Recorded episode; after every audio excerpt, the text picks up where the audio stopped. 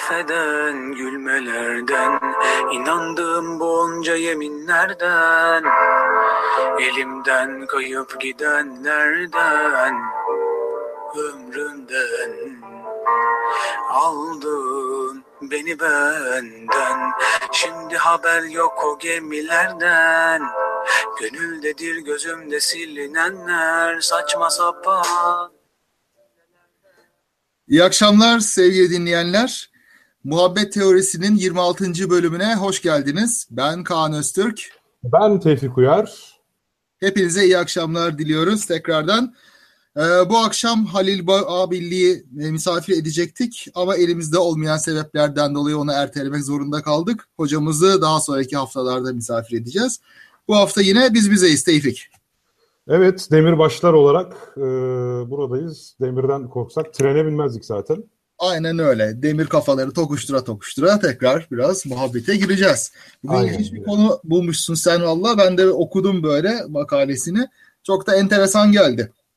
Evet, bayağı heyecanlı bir konu. Ee, görür görmez bu Serdar Kızıoğlu paylaşmıştı. Hı. Görür görmez sana söyleyeyim dedim. Şöyle küçük bir duyuru yapayım ama ben bu mevzuya başlamadan. Ee, bizim Muhabbet Teorisi kanalımızın adı artık yeniden eskisi gibi Açık Bilim Podcast kanalı. Ee, ama şöyle de bir fark var artık e, burası genel bir bilim kanalı. Yani haft eskiden biliyorsun sadece haftada bir gün bizim programlarımızı yayınlıyorduk. Fakat artık bu podcast kanalı e, işte hem bizim program hem Neuroblog, Onur Arpatlar'ın e, blogunun podcast'i var artık.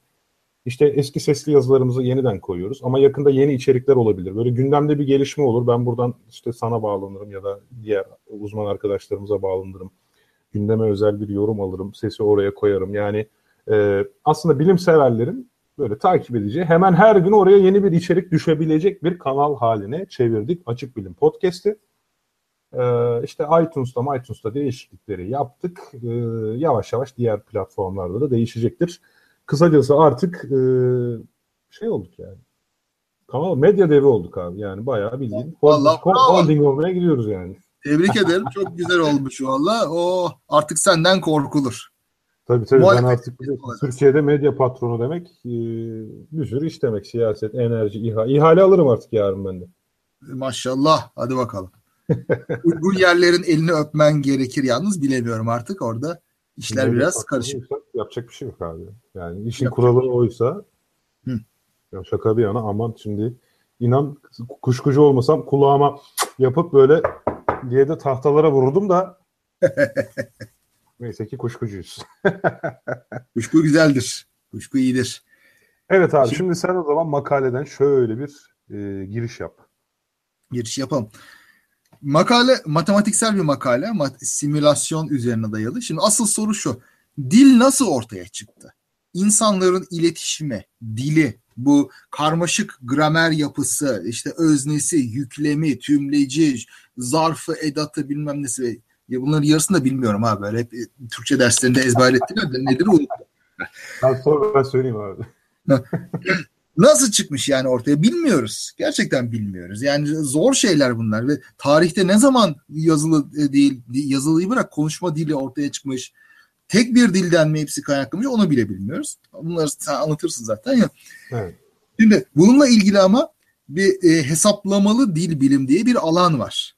Hes bu hesaplama dil bilim bazen var olan diller üzerinden analizler yaparak benzerlikler yaparak çıkılıyor. Bazen de simülasyonlar yoluyla sıfırdan bir dil nasıl, bir iletişim yolu nasıl ortaya çıkıyor gibi şeyler yapıyor. Bulduğumuz makalede bu ikinci tipten. Ee, bakayım başlığı Emergence of Grounded Compositional Language in Multi-Agent Populations. Valla İngilizce okudum ama Türkçe'de okusam herhalde çok bir şey ifade etmez ama şöyle diyeyim. E, çoklu bireylerin bulunduğu e, gruplarda e, gerçeğe dayalı dillerin composition nasıl çevirir bilmiyorum. Ortaya çıkış yani dillerin ortaya çıkışı üzerine simülasyon. Şimdi burada Şimdi, fikir şu. Ha. Bilgisayar programı. Bilgisayar programına yazılmış. Bunun içinde e, hareketli karar verebilen, iç amaçları bulunan bireyler var. 2, 3, 5 kaç taneyse. Bir de hareket etmeyen, orada sadece duran varlıklar. Bunlar işte kare olur, daire olur. bunlar şey olarak orada duruyor. Onların bir şeyi yok.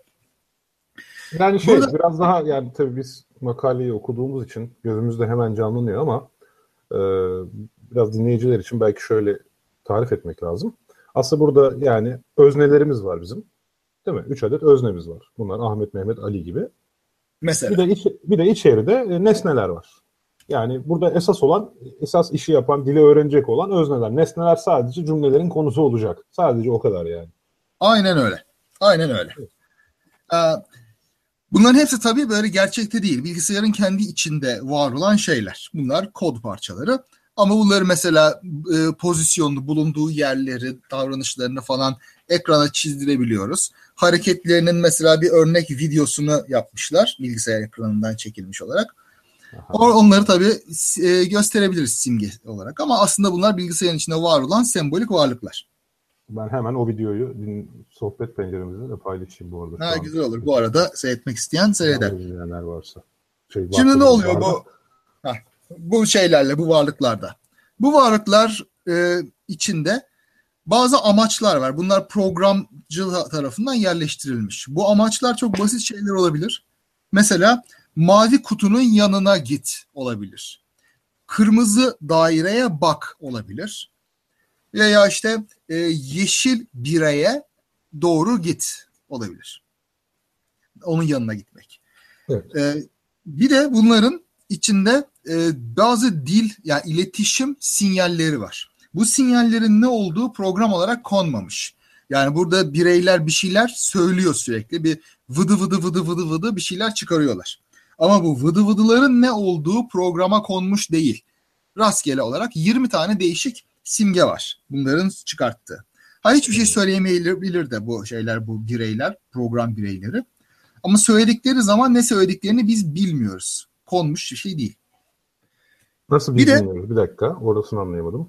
Şöyle, e, bunların içinde 20 tane sembol var. Bunların çıkarabildiği ama bu sembolün mesela git anlamına mı geldiği, işte bana bak anlamına mı geldiği, şuraya yönlen, şu yeşile bak, kırmızıya bakma anlamına geldiğini bilmiyoruz. Bunu ne biz biliyoruz ne programdaki özneler biliyor. Aslında bunlar 20 tane rastgele kelime gibi bile düşünebiliriz değil mi mesela? Evet. Köfte bile yani, olabilir. Yani. Köfte. Homurtu gibi düşün böyle. Hork, hurk, hürk, gırk gibi sesler. Yani. Tamam peki bunlar rastgele sesler. Peki ben şu e, eğretilemeye devam edeceğim abi o zaman. Biz tamam. e, Ahmet, Mehmet, Ali diye üç tane hiç dil bilmeyen çocuğu e, koyduk bir Koyduk. odaya.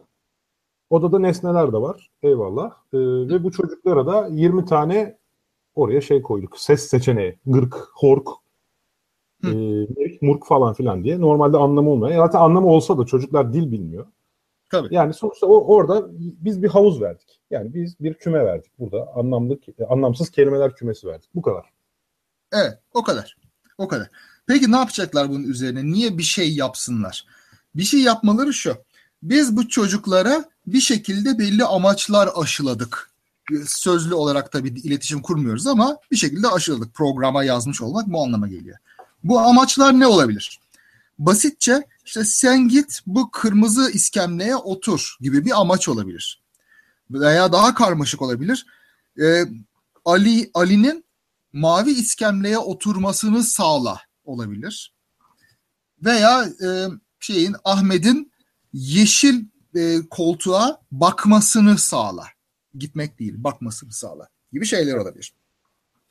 Şimdi bu amaçlar sınırlı. 2-3 tane amaç var. Git yani onlar var. aslında iletişim kurmaya zorluyoruz değil mi? Çünkü yani Mehmet'ten Ahmet'e bir şey yaptırmasını istiyoruz. Ha, Mecburen çünkü, iletişim kuracak artık. Çünkü bunu yapmasını sağladığımızda ödül var. Yaptığımızda hepsine birer şeker vereceğiz mesela.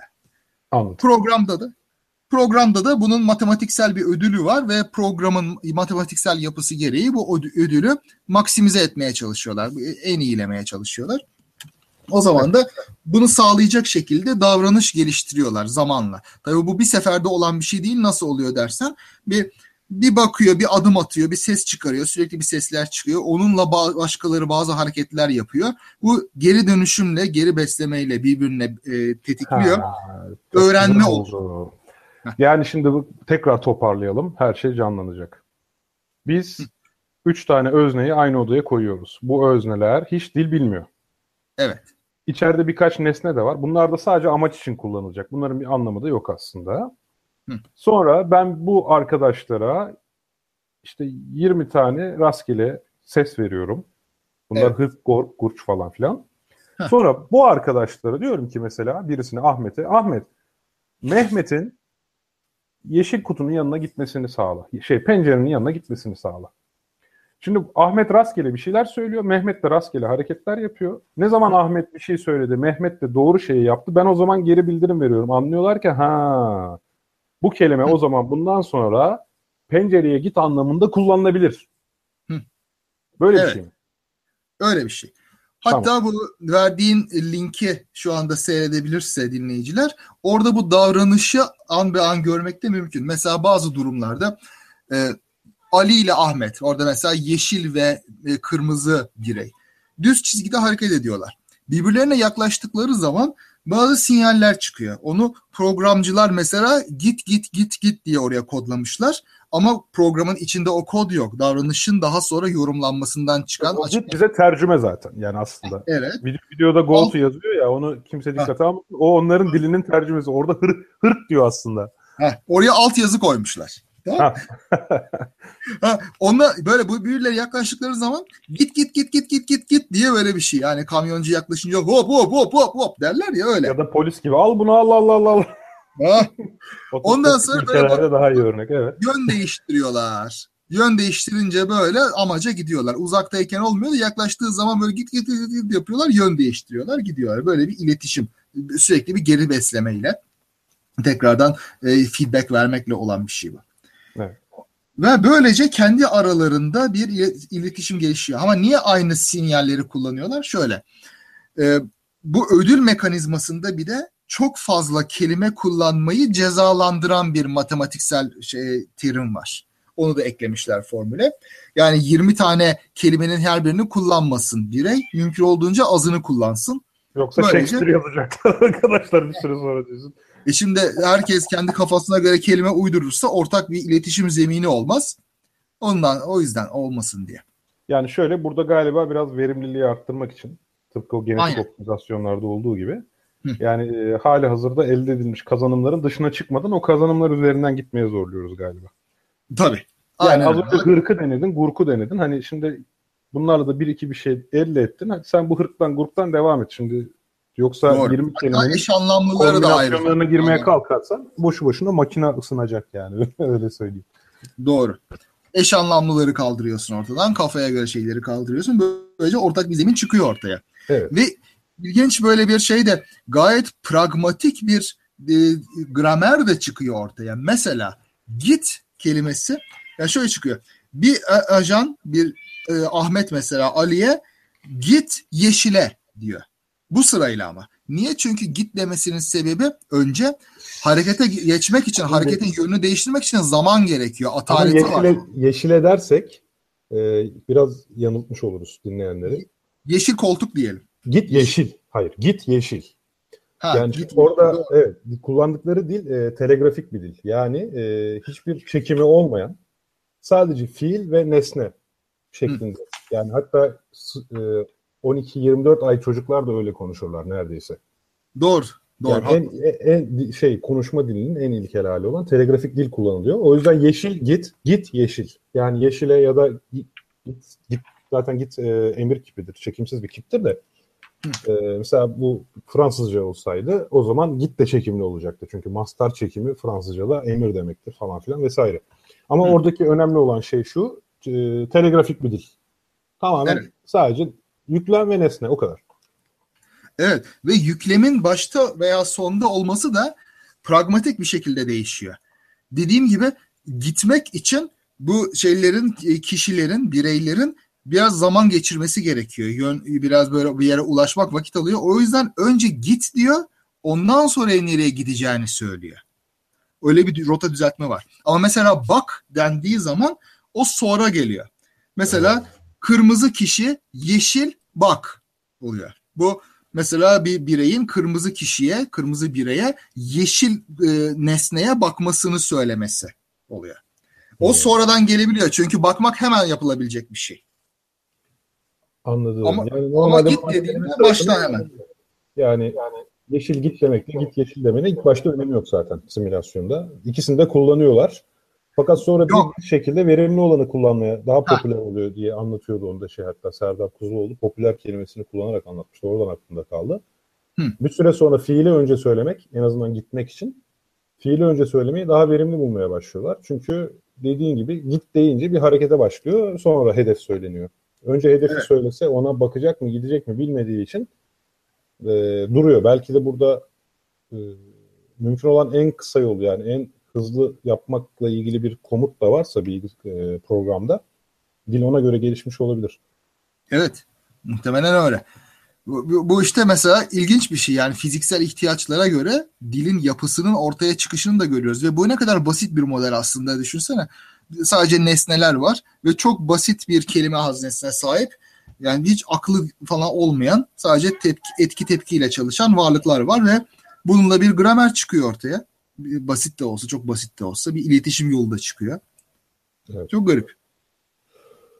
Yani e, çok garip aynı zamanda biraz heyecan da verici.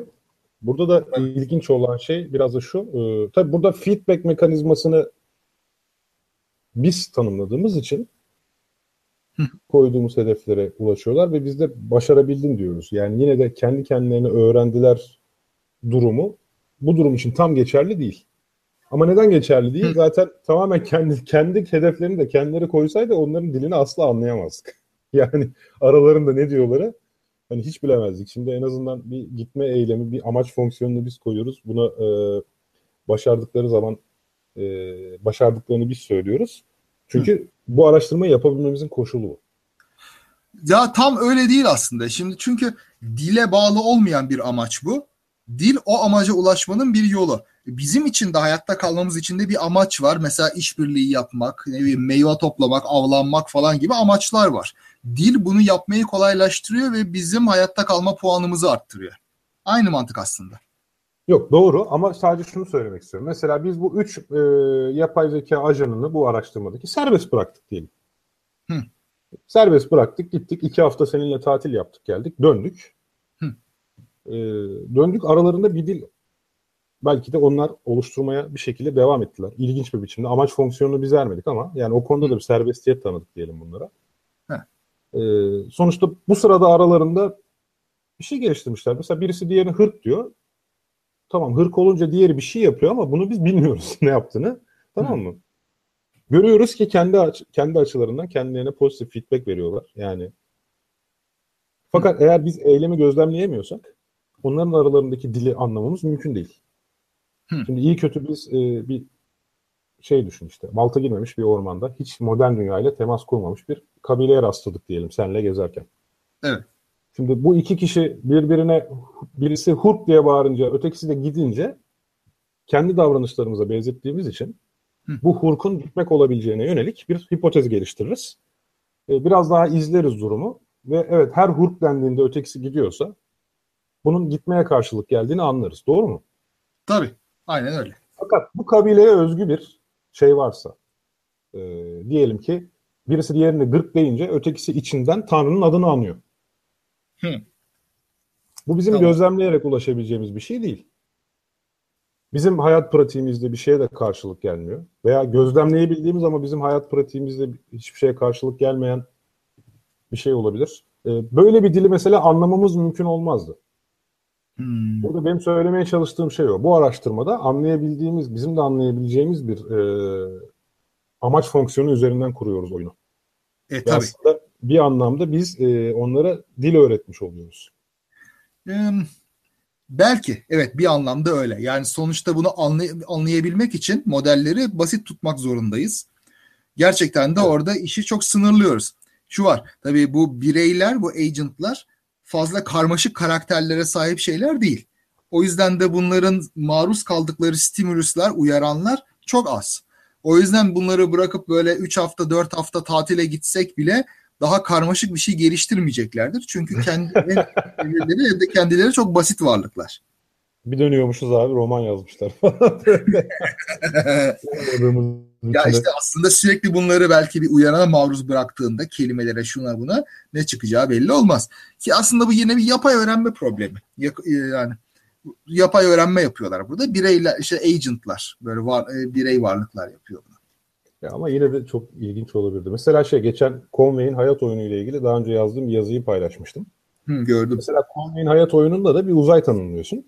Hı. İçerisinde dört tane basit kural koyuyorsun. Fakat bu dört basit kuralın çok çeşitli kombinasyonlarından ortaya çok karmaşık şekiller çıkıyor tamam mı? Mesela işte evet. bir planör e, şey tabancası diye bir şey var.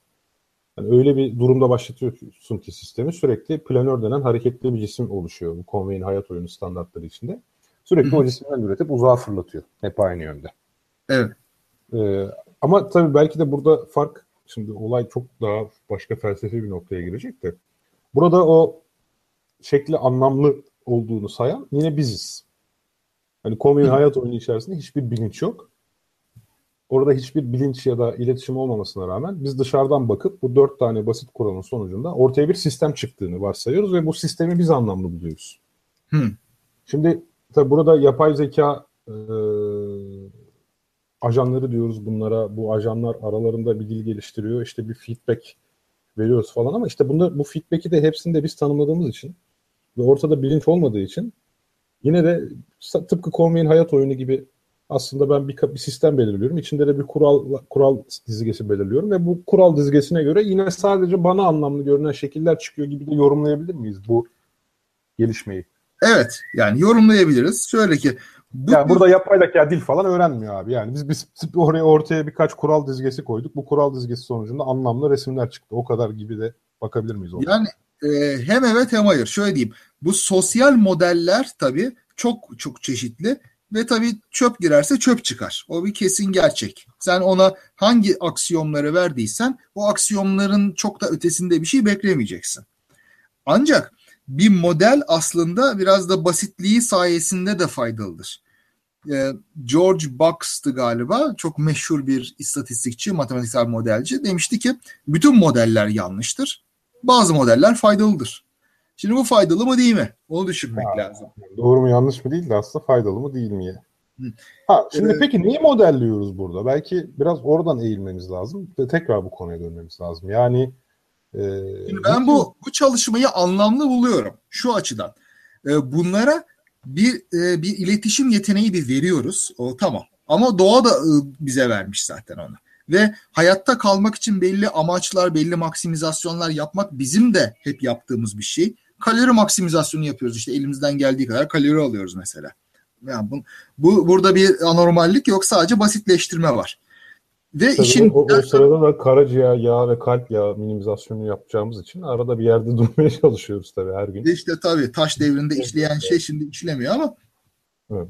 Onu o bilgisayardaki ajanlarda bu problem yok neyse ki şimdilik. evet abi devam. Ee, Şimdi burada bence işin vurucu tarafı bir ortak iletişim sisteminin ortaya çıkması, ortak kelimeler olduğu çıkması ortaya ve bunların belli bir yapıda oluşması, belli bir e, karmaşıklığı ve hatta bu dediğim gibi bir pragmatik yapı içinde bile çıkması bence gayet şaşırtıcı. Çok basit bir şey tabii bu ama muhtemelen daha ilerleteceklerdir bunu. Daha da fazla kelime imkanı, daha çok mesela birey olduğunda, daha fazla e, şey olduğunda orada da değişik nesneler. Bunları ayırt etmek için ilginç şeyler çıkabilir ortaya. Ee, ya mesela evet, e, sadece biraz muhalif olmaya çalışmıştım zaten de. Heh, insan dilinin gelişiminde, tarihi gelişiminde gözlediğimiz bir şey var. Renkler mesela veya bitkiler bunlarla ilgili kategorilerimiz var biliyorsun. Değişik renk isimlerimiz var. Bitkiler işte ot oluyor, ağaç oluyor, işte çiçek oluyor, şu bu başka şeyler oluyor. Bunlar her zaman böyle değildi ama. Tarihte geçmiş belgelere baktığında bu kategorilerin ortaya çıkmadığı zamanları görüyorsun. Çok meşhur bir örnek mesela Homeros'ta mavi için bir kelime olmaması İlyada'da. Şarap renkli deniz diye bir ifade geçer sürekli. Böyle onu şairane bir şey falan gibi düşünmüşler bir yere. Vay şarap koyu renk falan ama hayır. Adamda mavi kelimesi yok o dönemde ve benzer o dönemdeki benzer belgelere kayıtlara ne buldularsa bakıyorlar. Abi çok ilginç. Mavi de yani denizdir, gökyüzüdür falan Heh. en yaygın renk nasıl olmaz yani? Heh. Şimdi ilk ortaya çıkan, uygarlıklarda ilk ortaya çıkan ayrım aydınlık karanlık ayrımı. Yani açık renk koyu renk ayrımı. Ak ve kara da şimdi o, o şeyi yansıtıyor yani dikkat edersen. Karadeniz dediğimizde petrol karası bir şey kastetmiyoruz. Akdeniz dediğimizde de kar beyaz bir şey yok. Açık yani renk koyu renk. Şöyle yapalım bunu ilk algılanan şey kontrasttır. Doğru. Karşılık Doğru. yani. Ondan sonra ayırt edilebilen renk kırmızı. Bariz sebeplerden kan vesaire gibi şeylerde ya avladığın şeyin kanı ya kendi kanın gibi. Bu bir süre böyle devam ediyor. Onun ardından e, ya sarı çıkıyor ya yeşil. Yani yeşil çıkarsa hemen arkasından sarı, sarı çıkarsa hemen arkasından yeşil. Bu uygarlığına göre değişiyor. Ama şimdi bu Ama bir bu dakika ikisi- bu, bunun şey kaynak ne? Ben anlamadım. Tam neyin sırası bu yani? Ya şey zaman geçtikçe, tarihte ilerledikçe, uygarlıklar ilerledikçe, dil karmaşıklaştıkça Abi bu yazılı dil ama yazılı yani bunu, bu, bu çıkarımları ancak yazıdan yapabilirsin. O da son 5000 yıl. Sözel iletişim muhtemelen 100 bin yıl önce gelişti. Ama işte ilginçtir bu yazılı kayıtlarda bunu takip edebiliyorsun. Ve şey ilkel dillerde mesela kabile dillerinde ilkel dil demek ayıp karşılanıyor ama diyelim işte da, böyle avcı toplayıcı dillerinde Yok veya- ayıp değil de yani şey dil kuramına göre yani geçerli dil kuramına göre ilkel diye bir dil yoktur. Yani bütün diller kendi toplumunun ihtiyaçlarını tamamen karşılayacak şekilde. O, o şüphesiz tabii. sahip. ama bazı diller daha fazla ince nüansları karşılayacak yeni kelimeler de geliştirirler. Bu şekilde Ama o da ilkellik ve gelişmişlik değil işte. Yani zenginlik ve fakirlik. Ha tamam zengin o daha iyi bir ayrım oldu haklısın. Şimdi dil zenginleştikçe diyelim o zaman yeni renk isimleri de o şekilde ortaya çıkıyor. Sarı ve yeşilden sonra mavi çıkıyor ortaya mesela. İlginç. Abi ben yani insanın gökyüzünü hiçbir e, şeyle tanımlayamaması. Yani şey bu arada tabii biz e, İlyada Helence mi dilde mi yazıldı? Evet. Yani Helence için konuşuyoruz muhtemelen. Yok başka dillerde de var aynı. Başka pek Yani- çok dil var. İlyada ne zaman yazıldı? Tahmin mesela. Efendim? İlyada ne zaman yazıldı? İlyada ne zaman yazıldı? Vallahi çok iyi soru. En, en az 5-6 bin yılı vardır. Daha doğrusu Ben şeyi merak ediyorum. Peki çıkması. Kağıda geçmesi çok sonra tabii. şarabın asıl şarabın rengini tanımlayamamaları daha mantıklı değil mi abi? Yani ben, hani şarap bence mavi demekti. Ee, işte o karşılaştırmalı edebiyatta baktığında işte o şekilde olmadığı çıkıyor ortaya. Yani şimdi aklımdan da- daha fazla şey veremiyorum ama şimdi benzer şeyler çok var. Söz gelişi bitkilerde var. Ee, bak mesela şeyden okuyorum şimdi. Daniel Levitin var. Bir e, psikolog, meşhur psikolog. Hı hı. E, Organize Zihin diye çok güzel bir kitabı vardır. Orada bu kategorilerin nasıl çıktığına dair bir kısmı da var. Söz gelişi e, canlı ayrışmasında insan insan olmayan ayrımı çıkıyor önce. O ayrımdan sonra kuş, balık, yılan ayrımı çıkıyor. Yani bütün hayvanlar ya kuş ya balık ya yılan Bu gibi. arada çocuklar için de bu sıradır neredeyse. Aya işte ondan sonra mesela memeliymiş, başka şeymiş, işte ufak tefek şeyler çıkıyor. Şimdi börtü böcek deriz mesela. Börtü böcek dediğinde bak ne kadar geniş bir şeydir. Kın kanatlısından örümceğine kadar falan hiç böyle alakası olmayan hayvanları da kapsar. Evet Balık hala onların hepsini böcek diye anıyoruz sonuçta veya Ha. balıkların hepsini balık diye anıyoruz. Doğru. Ha işte denizde yüzen her şey balıktır mesela bitti. Uçan Ama her şey şeyle de alakalı değil mi? Şimdi burada Hı. dilin gelişimi evet bir mesele ama yani şöyle söyleyeyim. Sen ve ben astronom olmadığımız için Hı hı. her şey gökyüzündeki bizim için yıldızdır. Bütün yıldızlar yıldızdır. Astronom olsak biraz daha spesifik konuşma ihtiyacı hissedeceğimiz için bilmem ne sınıfı yıldız, işte kızıldev, e, beyaz cüce falan demeye başlayacaktık.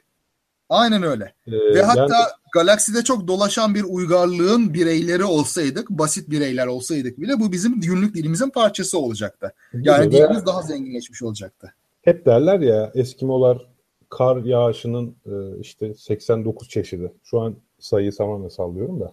Hı. Hani 89 tip kar yağışı adı vardır e, derler e, Eskimolar için. Çünkü onların günlük yaşamının parçası da oydu. Hı hı. E, dolayısıyla tek bir milletin yazılı eserlerinden e, izleyerek dil hakkında genel yargılara varmak bu bakımdan biraz şey olabilir. Hmm. Çünkü Vallahi eski bunlar bayağı- inceleseydik o zaman işte adamlar kara kar demiyordu yani. Hani 82 çeşit kardan bahsediyorlardı vesaire olurdu.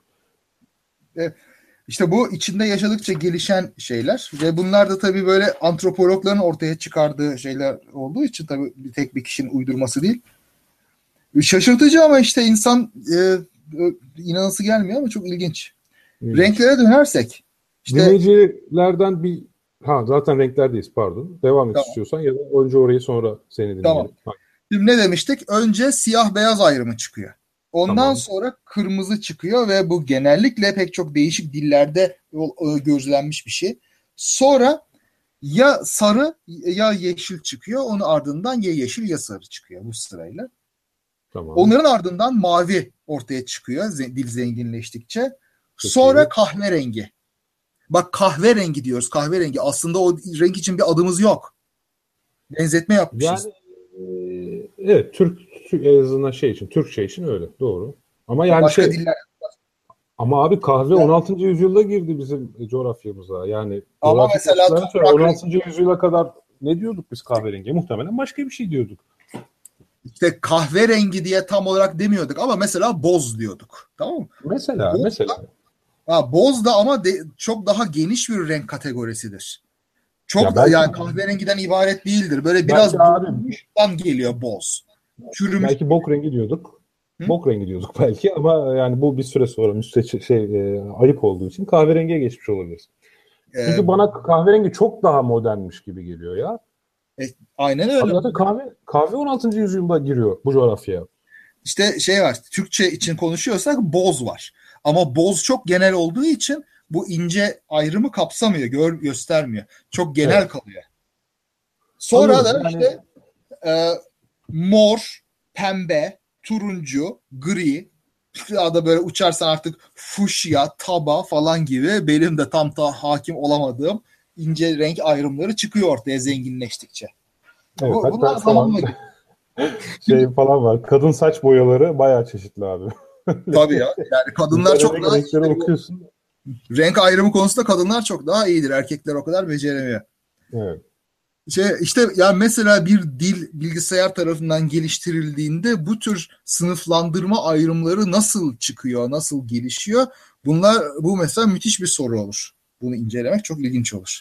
Ve aslında toplamda e, mesele bir kavramı tanımlamak ve daha sonra o tanımın e, yani o kavramın e, birden fazla kişi tarafından kullanılması mesele zaten. Yani dilin gelişimi de bir şekilde bu şekilde. Yani e, mesela bir, bir iki tane bilgisayar yapay zeka ajanı RGB kodlarından oluşan renk isimleriyle e, 2, 2 üzeri 64 e, kelimeyle birbirine renk anlatabilirler. Hı hı. Fakat bizim e, böyle bir şeye pratik olarak ihtiyacımız olmadığı için böyle bir şey yapmıyoruz. Yoksa ikimiz de e, eğer gerçekten fark eşiğimiz yüksek olsaydı ve renkler arasındaki farkları çok iyi seçebilseydik ve bunların gerçekten bizim hayatımızda pratik önemi olsaydı mesela ben sana e, o 16'lık tabanda HTML renkler vardır ya hı hı. ben sana onlarla konuşabilirdim. Evet. Ve aslına bakarsam mesela Merter'de tekstil işiyle uğraşanlar birbirlerine Pantene kodlarıyla konuşabiliyorlar. Doğru tabii ki. Onlar arasında da yani bu dilin hiç adının illa fuşya, kavun içi gibi havalı olmasına gerek yok. Aslında iki kişi birbirine mesela Pantone 25-32 olacak Hı. abi onun rengi deyince öteki de bunu anlıyorsa aslında Hı. burada bir renk adı tanımlanmış demektir tabii. Yani halka halk arasında paylaşılmasa da bu. Aslında Aynen ortak öyle. dil konuşmak dediğimiz şey de bu. Tabii. Yani bu, mesleklerin jargonları da böyle çıkıyor zaten ortaya. Yani her evet. mesleğin kendisine ait bir argosu, jargonu oluyor. Bunlar hep böyle başkalarının bilmek ihtiyacı duymadığı incelikli şeyler. Araçlar, aletler, yöntemler gibi şeyler tabii oluyor. Evet zaten Bakın, jargon dediğimiz zaman e, belirli bir grubun kullandığı dile diyoruz. Yani özelleşmiş dile diyoruz yani. Bu arada dinleyicilere dönmem lazım renk konusunu geçmeden. E, Elif Dilek adını koyamadığımız rengi göremiyoruz diye okumuştum. İlyada'da mavinin olmamasıyla ilgili olarak demiş. Olabilir işte adını görmezsek. E, rengi göremiyoruz belki biraz büyük bir iddia ona bir şey diyemem. Hı. Hocam Akdeniz Karadeniz muhabbeti biraz farklı demiş Hakkı Alkan. Eski Türklerde yönler renklerle ifade ediliyormuş. Kara kuzeye karşılık geldiği için Karadeniz demişler demiş.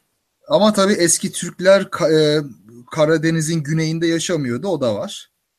Yani evet. Kara, yani Karadeniz ismi geldiğinde işte daha gelmiştik çoktan buraya gelmiş. Kara gel kelimesi oluşmuştu. Neyse şey toparlayamadı mı?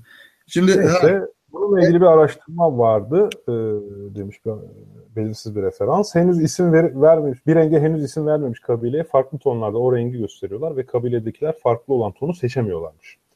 Bu biraz Sapir-Whorf teoremine benzedi. Yani kullandığımız dilin algımızı ve dünyamızı şekillendirdiği e, üzerinde bir şey var ya. Bu arada kahverenginin eski Türkçe'de konur kelimesi. Konurmuş abi adı. O evet ama konur şey da yazmış. Konur da şey gibi boz gibi çok genel bir şey. Mesela kurt konur itin kısaltılmasıdır. Yani böyle e, bir alacalı bir renk ifade ediyor konur.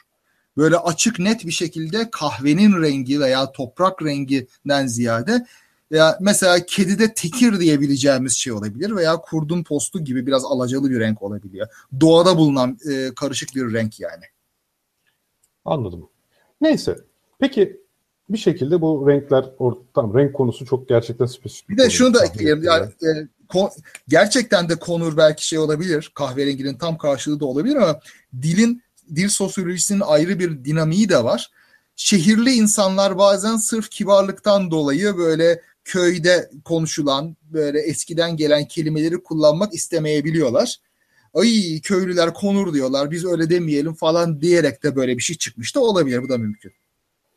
Onun uzmanı değil onu bilemeyeceğim. Yani zaten nerede çıktı önemi yok bu arada. Yani şehirde de çıksa köyde de çıksa o dile e, katılmış oluyor. Zaten biz de şu an büyük ölçüde İstanbul dili İstanbul e, ağzı ile konuşuyoruz ya Türkçeyi. E doğru. E, fakat bir şekilde yani Türkçe Anadolu'ya baktığın zaman şu an işte aldır. Hatta bizim orada mesela sarıya C'ye derler. C. C'ye öyle mi? C C yani Ceyhan Edirne yumuşak G Edirne. Bizim hmm. orada sarı C'dir. Ondan sonra hmm. mavi göktür direkt zaten. Ya da göv. Evet. G Ö yumuşak G'dir.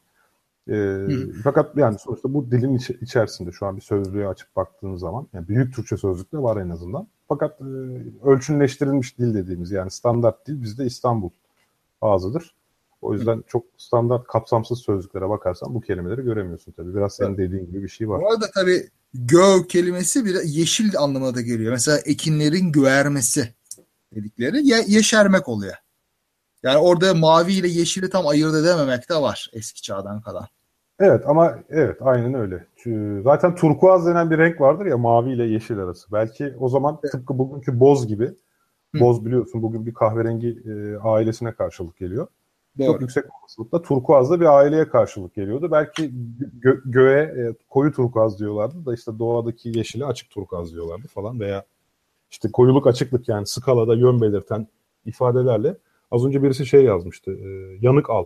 Mesela kahverengiye yanık al deniyormuş. Hmm. Daha doğrusu konur yanık al demekmiş. Yani işte yanık al, sönük al falan gibi muhtemelen bir renk tanımlayıp o rengi merkeze alıp onun sağına ya da soluna açığına ya da koyusuna ya da işte daha kızarmış ya da daha göğermiş kısmına Hı. böyle sağda solda bir yön belirlenip renkler öyle tanımlanıyor olması da muhtemel. Çok muhtemel, çok makul hatta. Elindeki kelime neyse ondan yola çıkarak bir şey tabii inşa edeceksin. Gayet normal. Evet, çocuklar da öyle diyor. Zaten lacivert yerine koyu mavi diyor çocuklar. Evet. Henüz laciverti öğrenmedikleri zaman. Tabii. Evet, şimdi şeye de gelelim aslında. Ee, sonuç itibariyle diller arasındaki bu kadar farklılığı biz bu dili çok detaylı olarak bildiğimiz için anlıyoruz. Bizim başka bir evet. dildeki ince farkları anlama şansımız yok. Hatta Noam Chomsky şey der. E, dünyadaki aslında dünyadaki diller bütün farklılıklarına rağmen böyle dil bilgisinde, anlamda, seste falan öyle ortak özellikler gösteriyor ki muhtemelen hani uzaylılar gelse dünyada tek bir dil konuşuyor olduğunu zannedebilirler. Hmm. Değil mi? Yani aynı şey söylüyorlar gibi. Doğru. Evet. Şimdi bu da bizi buradan şeye götürüyor. İki tane kuram var. Tek köken kuramı ile çok köken kuramı. Hı. Tek köken kuramı, yani bunlar adı üzerinde olduğu gibi tek köken kuramı acaba e, dil, önce tek bir dil gelişti ve diğer bütün diller onun torunları mı? Ki dinler bunu söyler. E, bütün büyük dinlerde yani şey semavi gökten indiğini söyleyen dinlerde e, işte Tanrı'nın Hazreti Adem'e zaten konuşma becerisi verildiği, nesnelerin adının öğretildiği söyleniyor. Bu doğrudan zaten tek bir e, dile referans veriyor. Evet. Ve eğer e, dil e, gerçekten de henüz Homo sapiens'e geçiş aşamasında bir yerde geliştiyse yani Afrika'dan dünyaya yayılmadan önce hatta Neandertaller de yayılmadan önce öyle merkezde geliştiyse tek köken kuramı muhtemelen doğru. Hı. Ama e, bir de çok köken kuramı var. Bu da farklı coğrafyalarda dilin farklı şekillerde geliştiği. E, pek diyeceksin ki o zaman nasıl insanların dilleri birbirine benziyor? Birincisi kültürleşmeyle dinler birbirini benzetmiş olabilirler. Hı. Ne kadar farklı kökenlerde, farklı yapıda gelişseler de e, hani pratik bir noktada herkes birleşmiş olabilir. İkincisi de şu, yine Noam Chomsky'nin şeyi bu. Ee, insanlar aslında dile dayalı yani bir yetenekle doğrudan zaten dil öğrenme, dil edinme yeteneğiyle doğarlar. Hı. Şunu evet, söylemeye çalışıyor aslında. İki, iki kuram var. Süreklilik kuramı bir de süreksizlik kuramı. Süreklilik kuramına göre primatlardan bu yana dil yeteneğimizi peyderpeye, peyderpeye böyle gün be gün geliştirdik. Evet. Süreksizlik kuramına ise göre ise primatlar işte az önce telegrafik dil demiştim iki kelime. Hani e, pri, memelilerin yani tüm memelilerin ve işte primatlar da buna dahil artık hani varabileceği bir yer vardı sınırlı. İlk e, insan modern insana gidiş noktasında bir yerde bundan yaklaşık 100 bin yıl önce çat bir mutasyon gerçekleşti. Ve e, bir dedemiz dil becerisiyle doğdu. Hı. Chomsky buna inanıyor. Yani süreksizlik kuramına. Yani bir yere kadar dil e, gelişebileceği yere kadar gelişmişti ki o da çok ilkeldi. İşte ilkel dil diye tam olarak ona söyleyebiliyoruz. Fakat o noktada bir mutasyon gerçekleşti. Ve bu mutasyonla beraber insan dil edinme kabiliyeti kazandı diyor Chomsky. Süreksizlik kuramını savunuyor. Şimdi bu bana şu, açı, şu açıdan biraz garip geliyor.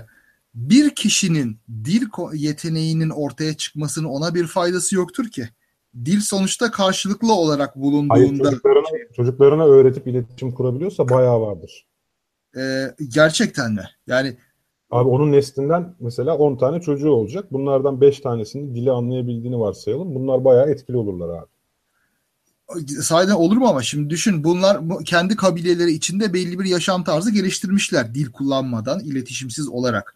Sen şimdi ne bileyim şu anda çok fazla konuşan birisi çıksa böyle ola, herkesten olağanüstü çok daha hızlı konuşan birisi çıksa bu yetenek onun ne işine yarar? Hiç. Abi, İletişim kuramaz. O yüzden biliyoruz ki ağzı laf yapanlar iyi kız tavlıyor. Ama o kadar ağzı laf arkadaş bu yeteneği ilk kez kazandıysa tamam.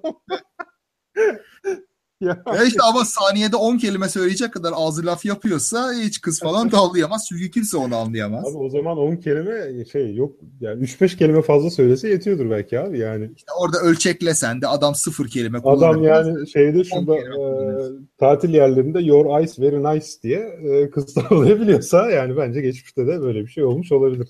E işte o sevimlilikten kazanıyor da şimdi düşün mağaradasın herkes şey yapıyor hiç konuşamıyor, homurdanıyor. Sende bir böyle daha bir soyut düşünme yeteneği falan var. Bir tek sende. Ne iletişim kuracaksın? Seni atarlar dışarıya ya. Sopayla döverler zaten. Entelektüellere ne yapıyoruz şimdi böyle akademisyenlere falan? Onu yaparlar.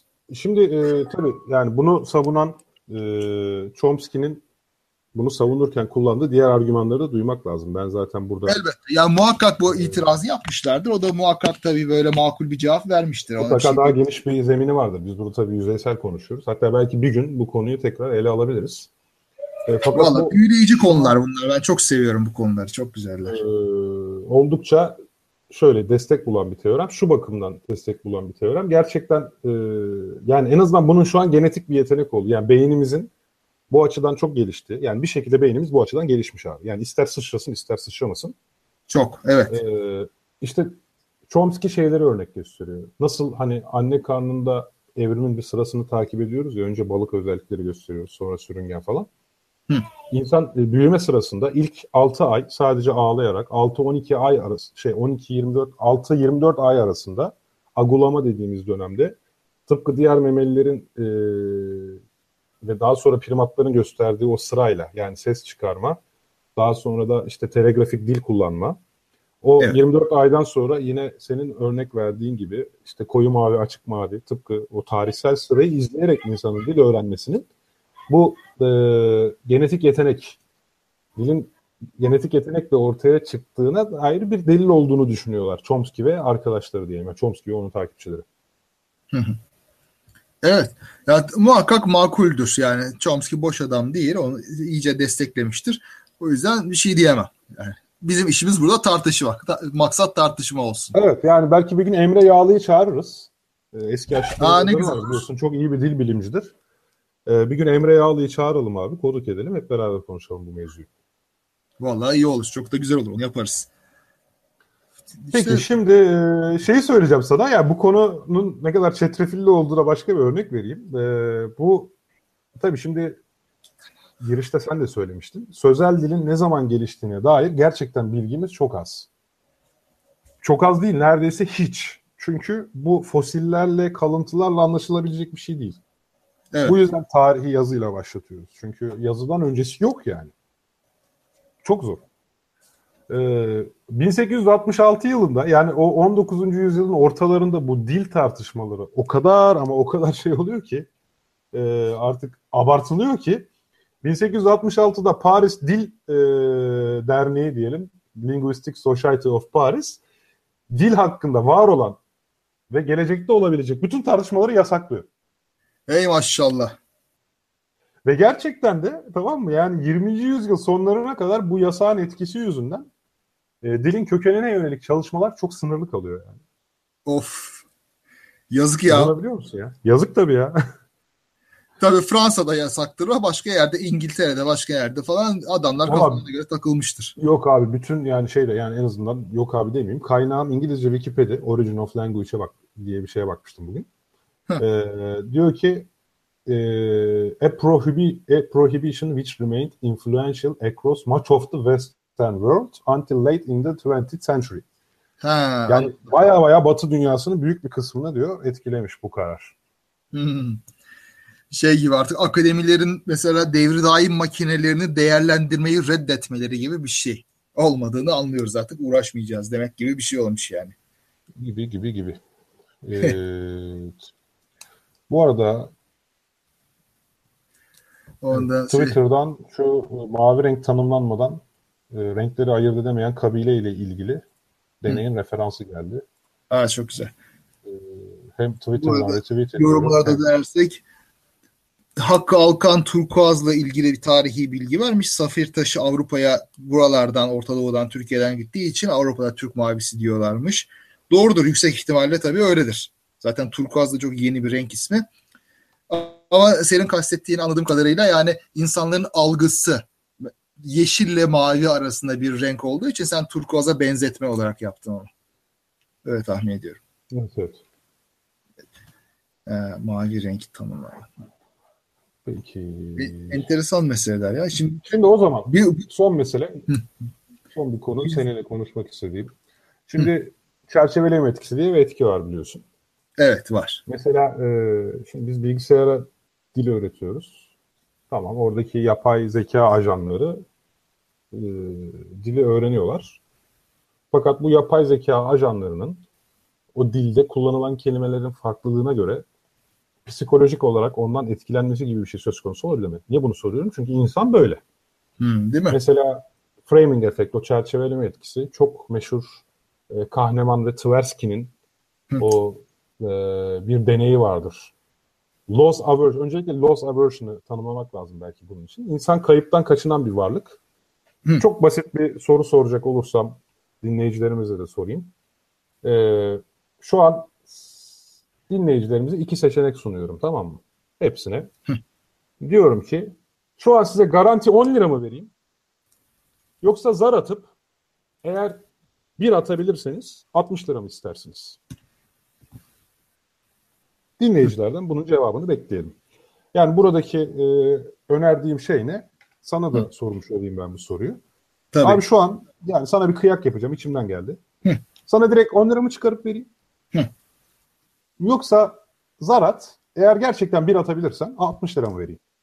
Ya ben sağlamcıyım. Sen bana 10 lirayı ver. Gerisini boş ver.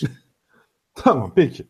ee, şu an insanların çoğunluğunun yaptığı tercih yaptın. Çünkü insanlar e, garanti bir kazanç varken bu, bundan çekinmezler, kaçınmazlar. Yani ötekine gitmeye gerek yok. Aynen öyle. Onu, onu yapanlara arada... zaten girişimci diyoruz. evet, evet. Fakat bu soruyu şöyle çevirdiğim zaman tersine tamam mı? Abi şu an bir kayba uğrayacaksın. Bu kaçınılmaz. Direkt 10 lira kaybetmeyi mi tercih edersin? Yoksa zarat bir gelirse 60 lira mı kaybetmeyi tercih edersin? He. Bunu bu, bu şekilde sorarsam tamam mı? çok yüksek olasılıkla insanlar e, zar atmayı tercih ederler. Hı.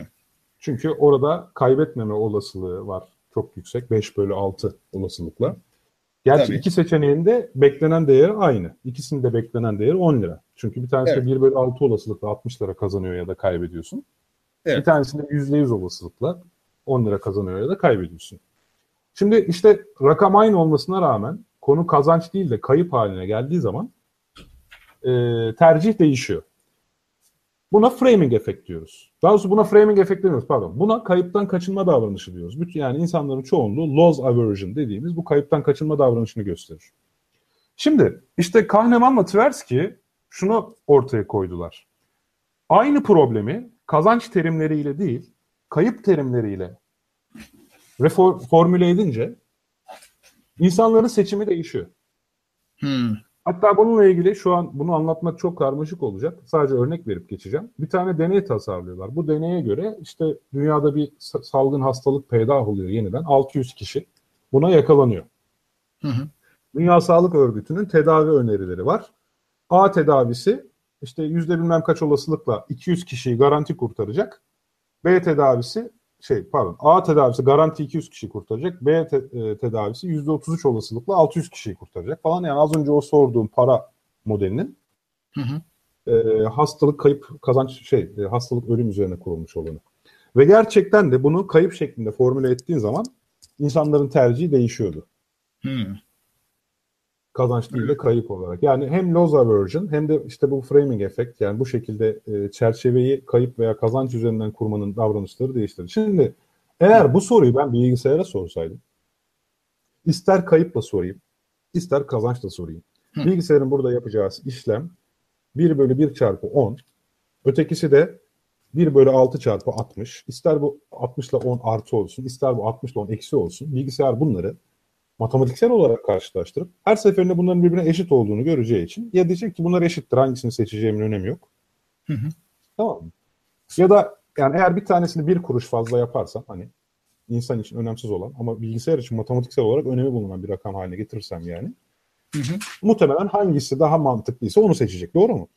Yani Evet, bilgisayarın bizim bir framing efekten bir e, kayıptan kaçınma davranışı göstermesi ya bir framing efektten etkilenmesi, bir kayıptan kaçınma davranışı göstermesi mümkün değildir. Bu herhalde insana has bir şey olur dil öğrenmek bakımından. Hmm, eh hem yani daha doğrusu nasıl e, be- benim başımdan geçenleri sen de yaşasaydın sen de benim gibi olurdun evlat diyebilir bilgisayara ins- insan. Öyle düşünebiliriz. Şimdi insanın e, kafası niye bu şekilde çalışıyor? Yani böyle hatalı dediğimiz şekilde çalışıyor. Aslında altında yatan şey işleme ekonomisiyle ilgili, bilgi işleme ekonomisiyle ilgili bir şey değil mi? Yani e, sürekli olarak riskli ve belirsiz bir ortamda yaşaya geldik. Özellikle do- doğada yaşarken. Ne zaman ne felaket gelir belli değil, nereden ne avcı çıkar belli değil, nereden ne yiyecek bulursun o da belli değil. E, o yüzden de birçok şeyde hızlı karar vermek zorundayız. Hızlı karar vermek için de bazı kestirme yollara sapmak zorundayız. Bunun gibi şeyler. Ve tabii iletişim bizim için çok önemli olduğundan kötü şeyin söylenmesinden kaçınmak da iş, içimize işlemiş epeyce. Yani bizim geçirdiğimiz iletişim yolundan, zihinsel evrimden geçse bir bilgisayar muhtemelen o da bizim gibi ön yargılara, yanlışlara ve işleme hatalarına sahip olacak. Şimdi bilgisayar tabii bu hesabı hemen yapıyor çünkü biz ona bu formülü veriyoruz.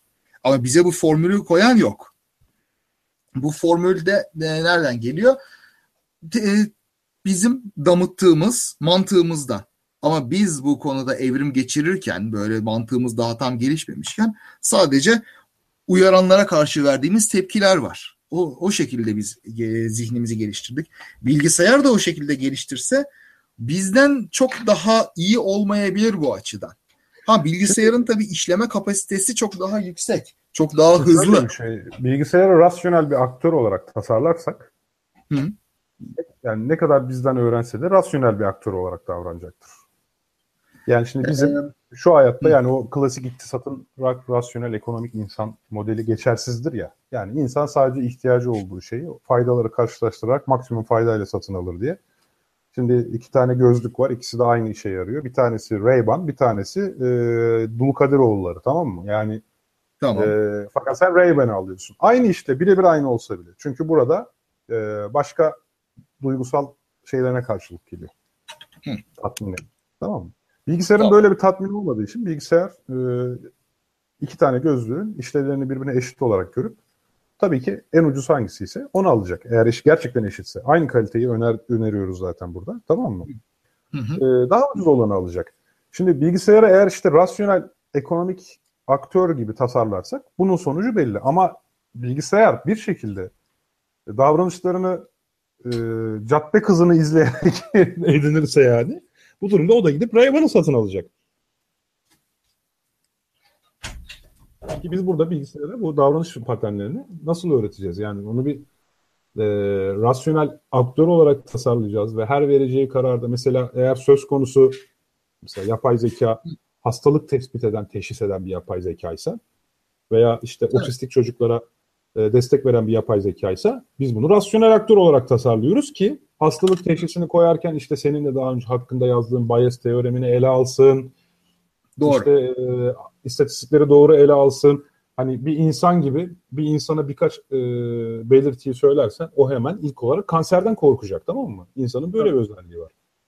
Kötü olan ihtimali falan e, saplanıp kalacak. Ya da tam tersine aşırı iyimserdir, gamsızdır. Aman bu dünya falan işte dünya minare gibi bir e, denklemi vardır. Ya da hiç takmayacak. Fakat bilgisayar her ne olursa olsun bunun işte e, toplumdaki Bayesian temel oranını alacak. Hı hı. E, tahlil sonuçlarımızı ele geçirecek. Bize hangi oranda kanser olduğumuzu hesaplayacak. Buna göre de ya yoluna devam et diyecek ya da bence sen ileri tetkiklere devam et diyecek.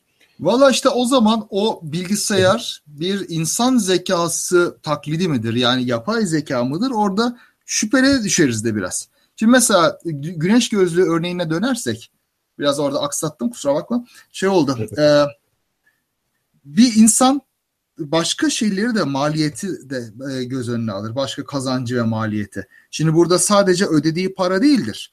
Onunla elde edeceği sosyal itibar da onu o da bir maliyet kalemi olarak için işin içine girer veya kazanç kalemi olarak. E, Veya başka elde etmeyi ümit ettiği şeyler. Ne bileyim iyi giyinerek mesela maaşının daha yüksek olmasını sağlamak veya iş bağlamak böylece gelirini Ya, arttırmak. örnekler için haklısın ama 15 bin lira borcun varken bir tatile gitmeyi çok istiyorsun. 5 bin lira daha borç alıp oraya gidiyorsun. Hani buradan hiçbir getirin yok. E, orası öyle. Orada Yani işte hani ama tamam. tabii geçmişine bakarsan bu davranışın evriminin kendini iyi hissetmek için böyle bir yapılan bir şeyler olduğunu da görüyorsun ve orada bir kazanç elde ediyorsun. İşte bilgisayarda kendini iyi hissetmek gibi bir kazanç olamaz. Tamam bilgisayarda Evet. ben Ra- Ray-Ban takarsam sosyal çevremden yeni iş olasılıklarını arttırırım falan gibi bir yine de bir rasyonel kestirim olabilir. Valla bilgisayarın sosyal çevresi zaten Ray-Ban taktı diye ona daha çok para verecek. Çünkü o da sosyal bilgisayar olacak. Yok hani bir şekilde sen bu bilgisayarları al bizim gibi tipler haline getir hani öyle düşün. Onları da- Ama bilgisayar mesela daha hızlı işlemci almak için mesela fazla para verebilir. Senin sesin kesildi abi. Tekrar söyler misin? Bilgisayar mesela işlemcisini upgrade etmek için daha çok para verebilir. Bel- Belki onun da Ha, kazanç. tamam şimdi iki tane bilgisayar düşünelim tamam mı? Hı. İkisi de işlemcisini upgrade edecek. Aynısı tamam mı? İkisi de 4 GHz olsun. Artık terahertz olur herhalde o tarihlerde. Hı. İkisi de 4 terahertz olsun. Ee, ikisi de e, aynı dayanıma sahip olsun. Aynı kalitede olsun. Fakat bir tanesi bilgisayarlar bakımından daha havalı olsun. Bu işlemci markasını tamam mı? Tamam. Çok yani güzel. onu takan bilgisayara vay abi adam bakar mısın herifte Intel Pentium e, şey işlemci var ya. DKN'ye işlemcisi var falan filan diye. Yani bütün şimdi burada şey var şimdi bizim bireysel tercihlerimiz arasında fark var. Bizde bazılarımız markaya önem verir bazılarımız vermez. Hı. Peki bilgisayarlar arasındaki bu fark nasıl oluşacak yani? Valla bilgisayarlar için bu tür farklar bir hayatta kalma avantajı sağlıyorsa o zaman oluşacaktır. Bak söyleyeyim sana. İşte Peki sağlamıyorsa? kolu daha saf gibi falan gibi şeyler. Tamam yine çok rasyonelleştirdik işte. Yani hayatta kalmaya etkisi olmadıkça bilgisayarlar arasında o zaman asla böyle davranışların gelişmeyeceğini. Valla bizimki de acaba irrasyonel mi? Ben ondan da şüpheliyim. Ben biraz e, Kahneman'ın rakibi olan Gerd Gigerenzer'in fikirlerine de biraz sempati duyuyorum. Bu Alman Hiç bir yok. Evet. Şöyle e, Kahneman ve Tversky bu tür davranışların, bu heuristiklerin, biasların insan zihninin hataları olduğunu, böyle düzeltilmesi gereken şeyler olduğunu söylüyor. Gerd Gigerenzer'e göre ise bunlar aslında e, başka avantajları olan, ilk bakışta görülmeyen ama başka avantajları olan davranışlar. E, mesela e, şimdi ta, kafadan da örnek veremiyorum doğrusu ama Yani bir şekilde bütün heuristiklerimiz aslında bir zamanlar bize faydalı olan şeylerden hatta, olabilir mi? hatta diyor? şimdi de öyle. Şimdi de öyle. Yani ba- bazen mesela kumarbazın bir yere takılıp kalması mesela şimdi gelecek şimdi gelecek diye bir avcı davranışı olarak bunu düşünürsen aslında gayet e, iyi bir şey. Adaptas- adaptasyon gücü olan bir şey bu. Kumarbaz yanılgısını biliyoruz. Evet. Kumar makinesinin başına oturursun, çekersin çekersin gelmez. E artık vakti geldi. Bundan sonra gelmesi lazım demek kumarbaz yanılgısıdır. Ama tabiattayken mesela bir fare deliğinin başında bekliyorsan oradan çıksın da avlayayım diye e artık o çıkacaktır illaki. Çünkü o canlıların mekaniği başka şeylere bağlı. O yüzden de bu iyi bir mekanizma, bir adaptasyon değeri olan bir şey. Ama Ama, işte e, sanki yanlışlanamaz bir yol buluyorlar. çıkıyor. Neden? Çünkü e, o kadar takılıp beklemek benim orada da avlanmama, gece eve geç dönmeme, kar fırtınasına yakalanmama daha pek çok şeye neden olabilir. Olabilir, doğru. Doğru. Yani Doğru. Olur yanlışlanamazlık problemi açığa çıkar o zaman. Yani adam her sef her davranışı bununla açıklıyorsa nasıl nerede yanlışlayacağız o zaman? Heh. E biraz öyle tabii. Yani Kahneman'la Tversky'nin de zaten buna karşı cevapları da var. Yani daha tam ne, ne durumda çözülmüş bi- bilmiyorum. Çözülmüş mü O zaman bir çözülmüş. gün bu konuyu konuşalım mı? Ne dersin? Güzel konu bu. Valla güzel. Yani belki de uzmanla çağırıp konuşuruz. Daha da güzel olur. Evet. O zaman abi sona doğru geldik. Evet ya valla zaman su gibi Şaka akıyor. maka onu bir geçiyor. Ee, güzel sohbet oldu. Pek çok konu üzerinden geçerken yeniden öğrendim bazı şeyler aslında bakarsan. Valla sen- senin sayende ben de bu yeni konuyu öğrenmiş oldum. Güzel oldu. Zevkli bir O şeymiş. zaman abi kapanışı sen yap diye sana veriyorum mikrofonu. Peki efendim sayın dinleyiciler. Bu e, Muhabbet Teorisi'nin 26. bölümünde bize eşlik ettiğiniz için çok teşekkür ederiz. Gelecek hafta yeni bir konuda buluşmak üzere. Hepinize iyi geceler, iyi haftalar. İyi geceler, iyi haftalar.